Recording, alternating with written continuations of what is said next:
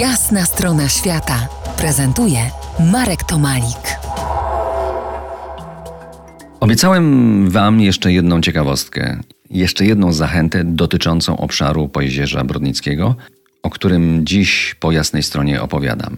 Ale to, co chcę Wam powiedzieć, przekazać, zadziała tylko w jednej porze roku. Kiedy?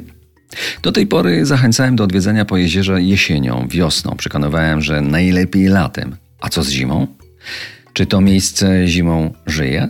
A jeśli tak, to czy jest dedykowane wyłącznie amatorom zimowych spacerów lasami czy wokół jezior? Nie tylko. Otóż 20 km na północny wschód od Brodnicy jest Kurza Góra, a tam w Kurzędniku ośrodek narciarski z najdłuższą trasą zjazdową, w sumie 2,5 km tras zjazdowych. Nie tak źle, biorąc pod uwagę, że to nie moje Beskidy, a niemalże Mazury. Oczywiście trasom zjazdowym towarzyszą atrakcje dla dzieci, w tym lodowisko, zimowy park rozrywki, wypożyczalnie. Są też tory pontonowe do slidingu i to w skali tych najdłuższych podobno na świecie i zjeżdżalnie tubingowe, a to już działa przez okrągły rok. Ziemia Michałowska i ziemia Dobrzyńska, te dwie ziemie łączy piękno, po które warto trzeba sięgnąć. Może właśnie sentymentalna jesień będzie dla nas tutaj pretekstem, a może zima? Zarówno ta kraina ziemia Dobrzyńska, jak i ta ziemia nasza Michałowska, Mińska, one są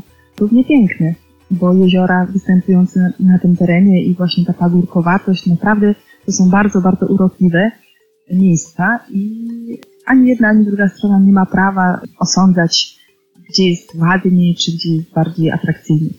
Oczywiście, powiedziałam to teraz tak bardzo zachowawczo, jako brodniczanka i dziada pradziada, no jestem naprawdę, czuję się ambasadorką swojej ziemi i ilekroć mam okazję, y, mówię o tym, że Brodnica jest taką nieodkrytą miejscem do końca i może, może to dobrze, dlatego że z wielu ust Również teraz, kiedy mamy taką dostępność y, medialną, widzę relacje ludzi, którzy trafili na to jezioro Brodnickie do Brodnicy i mówią, wow, nie wiedzieliśmy, że, że to tak jest, że tutaj jest taka perełka, tak niedaleko od Warszawy, tak niedaleko od Torunia i tak dalej, czy Gdańska.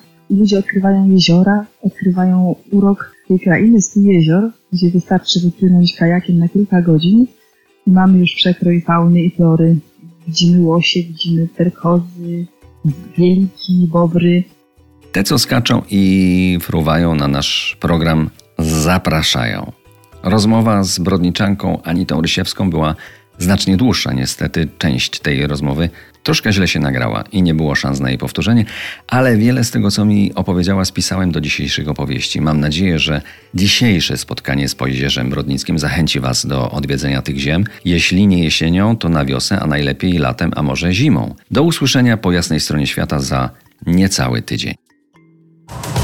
To była jasna strona świata w RMF Classic.